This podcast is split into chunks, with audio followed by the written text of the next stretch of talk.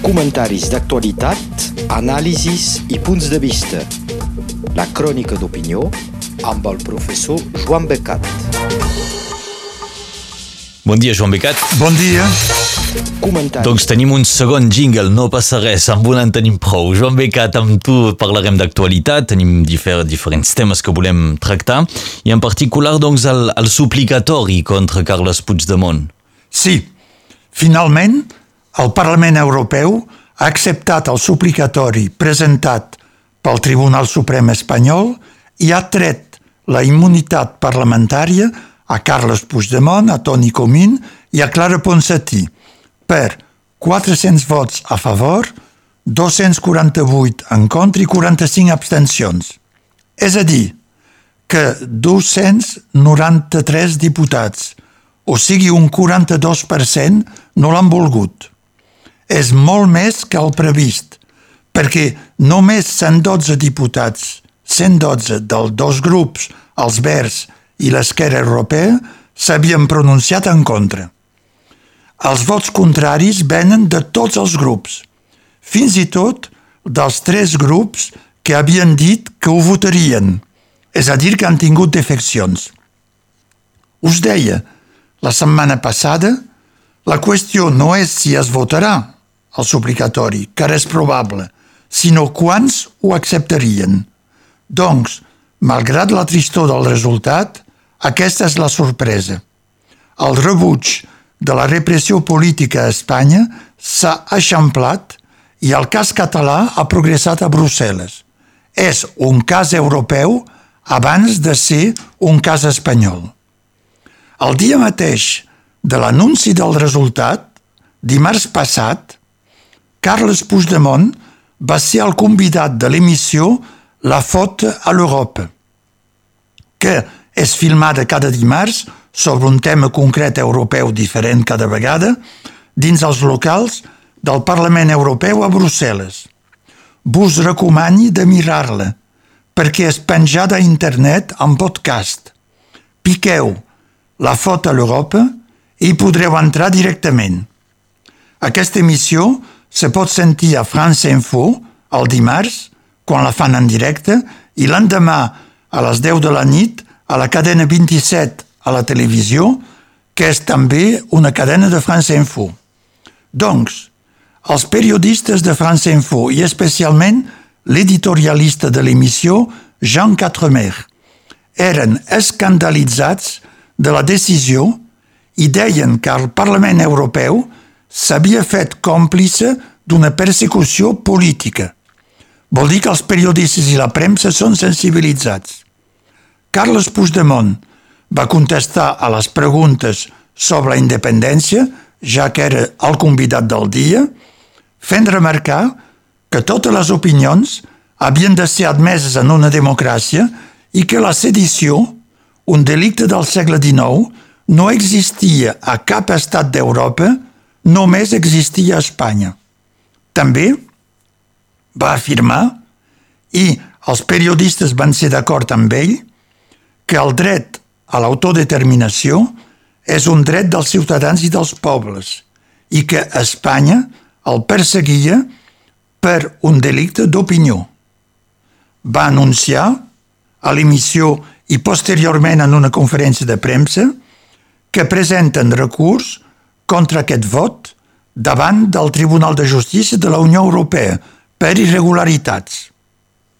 Finalment, després del vot del Parlament, el jutge Llarena ha presentat davant del mateix Tribunal Europeu una bateria de qüestions prejudicials, com ho havia anunciat. Havia descartat, segons ell, l'as de l'advocat Gonzalo Boye, que és l'advocat de Carles Puigdemont i dels tres eurodiputats. Les seues preguntes, eh, no, de Llar no de Gonzalo Boye, de Llarena, prenen el contrapeu dels arguments de la justícia belga. Per ell, no havia de denegar l'euroordre que havia de ser automàtic pel Lluís Puig. Tampoc per ell no s'ha d'investigar si un estat de la Unió Europea respecta o no l'estat de dret. Per ell és per definició. Afirma que el Tribunal Suprem espanyol era competent, ja que la justícia belga es deia que no. I finalment qüestiona la validesa de l'informe del grup de treball contra les detencions arbitràries de les Nacions Unides, sobre el qual se basa la justícia belga. És a dir, que va com un toro que sai del toril per una corrida, bany avall i recte.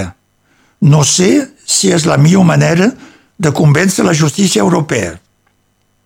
Com que això demanarà un cert temps, el Tribunal Europeu d'Estrasburg, de Luxemburg, me demani si no és simplement una maniobra per guanyar temps i deixar passar els mesos, els anys i deixar podrir les coses, perquè fa difícil creure que el jutge Llarena mateix se creu que tindrà satisfacció.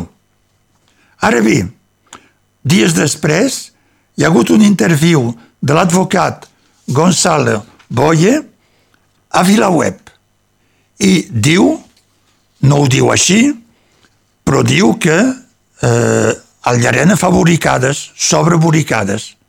Per exemple, eh, pensa que ha descartat les seues preguntes de Gonzalo Boye, però diu, és que les va enviar amb les seves, perquè en l'informe que li vaig fer, 200 pàgines, no s'ho ha llegit. I què vam fer nosaltres?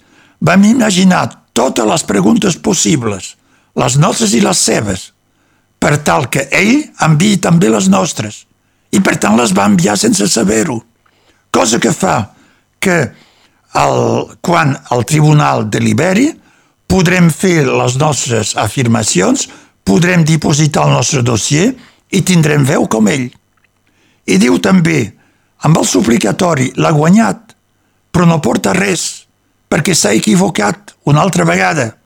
El suplicatori és només per aixecar la immunitat. Doncs, perquè la, la justícia belga digui però suplicatori no és perquè el jutgin a Espanya. I, per tant, serà acceptat o no l'extradició, però no el podran jutjar. I, per tant, diu que té molt optimisme. Espero que sí. Bé, d'aquí els comentaris després del suplicatori contra Carles Puigdemont. Doncs la teua recomanació és escoltar La fot a l'Europa. La fot a l'Europa. Piqueu La fot a l'Europa, us sortirà la cosa i el de dimarts passat us sentiu. Dura un quart d'hora, eh? és, és bastant breu, eh, i és únicament sobre el cas Puigdemont i de Catalunya. Puigdemont ho ha fet molt bé i els periodistes visiblement eren així. El que mana euh, el bruixava sobre la independència. Donc, vous voulez que la Catalogne Nord soit aussi indépendante. Però se n'ha sallit bé. Doncs... És, és un gat vell, eh? Ho podeu escoltar, és la recomanació de Joan Becat, la fota a l'Europa. Altre tema que volem tractar amb el nostre col·laborador i cronista és Laura Borràs, que és ara presidenta del Parlament de Catalunya. Sí, és una altra etapa.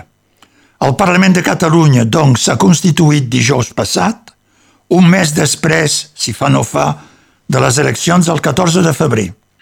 La majoria independentista ha elegit Laura Borràs, candidat a la presidència de la Generalitat que va arribar segona i és presidenta del Parlament com s'ha fet sempre fins ara.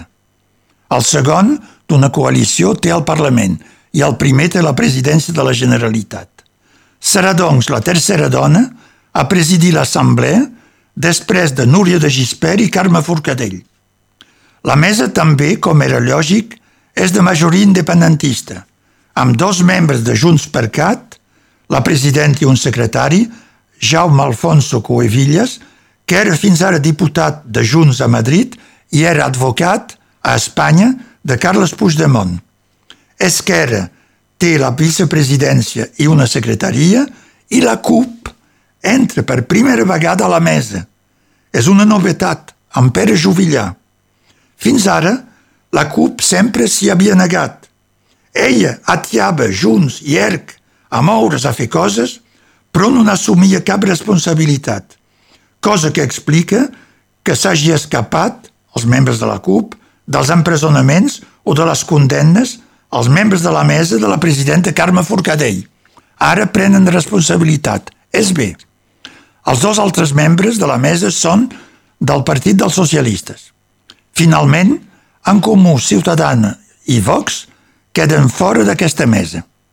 Ara bé, el dia que ERC tingui problemes amb Junts, com ha passat en la legislatura que s'acaba, o quan ERC tingui massa pressions al seu gust de la CUP i de Junts per fer coses, que són majoritaris dins la majoria, amb 3 sobre 5, doncs Esquerra pot passar un pacte puntual amb els socialistes, com ha fet quan s'ha solidaritzat amb ell contra el president Quim Torra i va provocar la decisió d'avançar les eleccions. I tenia llavors Esquerra i els socialistes quatre membres de la mesa sobre set. Per tant, no tot està resolt. Com que tots els partits independentistes, especialment Junts i la CUP, han dit en els seus programes que volen donar protagonisme al Parlament, per tant, la mesa és important, perquè és ella que decideix l'ordre del dia i les qüestions a debatre. També la mesa decideix si acata les decisions del Tribunal espanyol, com ha fet sempre Roger Torrent, o si manté els debats i les votacions previstes, com feia Carme Forcadell. La presidència, Laura Borràs, en el seu discurs de presa de possessió, s'ha posat en la línia de Carme Forcadell. Ha dit que volia recuperar la dignitat i la sobirania, que és una crítica clara al Parlament anterior i al seu poruc president, i que volia avançar cap a la independència. També va declarar que seria implacable davant del masclisme i la xenofòbia, és a dir, que no deixarà passar res eh, als diputats de Vox. Bé, d'aquí per l'actualitat al Parlament de Catalunya i ara eh, tu també, a més d'escoltar la ràdio, mires la televisió i ens parles d'una lliçó d'objectivitat a la tele. Sí, objectivitat que no em crec, evidentment, eh? perquè la tele, com passa de vegades a tot arreu, ai, ai, ai, vaig tenir una bonica lliçó d'objectivitat del periodisme polític aquest divendres, mirant a la televisió la chaîne parlementaire i l'emissió Bonjour chez vous, que és de la una a les dues de la tarda eh, en aquesta cadena. Era des de Tolosa. I la senyora Occitanie, Carola Delgà, era interrogada durant una hora per tres periodistes de la Dépêche du Midi de Tolosa, del Midi Libre de Montpellier i del nostre independent de Perpinyà. Semblava perfecte. Tot va passar absolutament correcte, sense aquesta agressivitat de mal gust que tenen alguns intervius francesos parisencs, on l'entrevistador se vol menjar el polític que té sota la mà. No, no, com senyors. Dignitat i informació dels ciutadans, que votaran d'aquí tres mesos, però contra la senyora Occitanie. Que tot això era ja precampanya. Hi ha tantes vegades aquesta senyora ha dit tantes vegades Occitaní durant una hora que se la veu totalment identificada amb aquest nom. Per tant, d'ara endavant, li direm senyor Occitaní per li fer ple, ja que li agrada tant. Doncs, fins ara tot perfecte, com he dit, i segur que així ho van veure la gent de la regió i de tot França. Només hi havia una coseta que me molestava, a jo personalment, eh? Els tres diaris, la Depeixa, el Midi Libre Independent, són tots tres propietat del grup La Depeixa de Tolosa. És el mateix. El seu PDG de la, del grup La Depeixa és Jean-Nicolas Bailet, fill de Jean-Michel Bailet, que va ser PDG fins al 2016, quan va entrar al segon govern de Manuel Valls. Hi ha connexions com a ministre d'Ordenació del Territori. Era president del partit dels radicals d'esquerres, que no són ni d'esquerra ni radicals, tothom ho sap. Va ser aquest Jean-Michel Bailet el mentor de Carola Delgà. Tot lliga. Que Carola Delgà que va entrar en el mateix govern Valls com a secretària d'Estat a l'Economia.